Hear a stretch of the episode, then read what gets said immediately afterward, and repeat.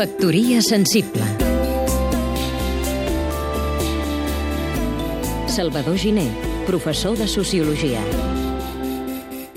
He estat una setmana a Londres. De vegades l'absència de casa nostra és un bon tractament. Un bon tractament per les nostres cabòries i maldecaps locals.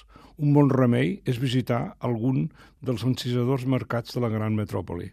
Fou així com vaig anar a un d'ells, al costat del Tàmesi, el Borough Market. Divagant entre les parades de peix i les de formatges, vaig sentir les notes inconfusibles del virulai. Era fantasia?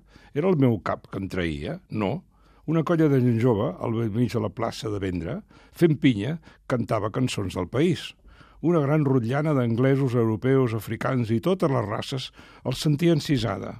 Els cantaires no passaven el plateret, no demanaven res.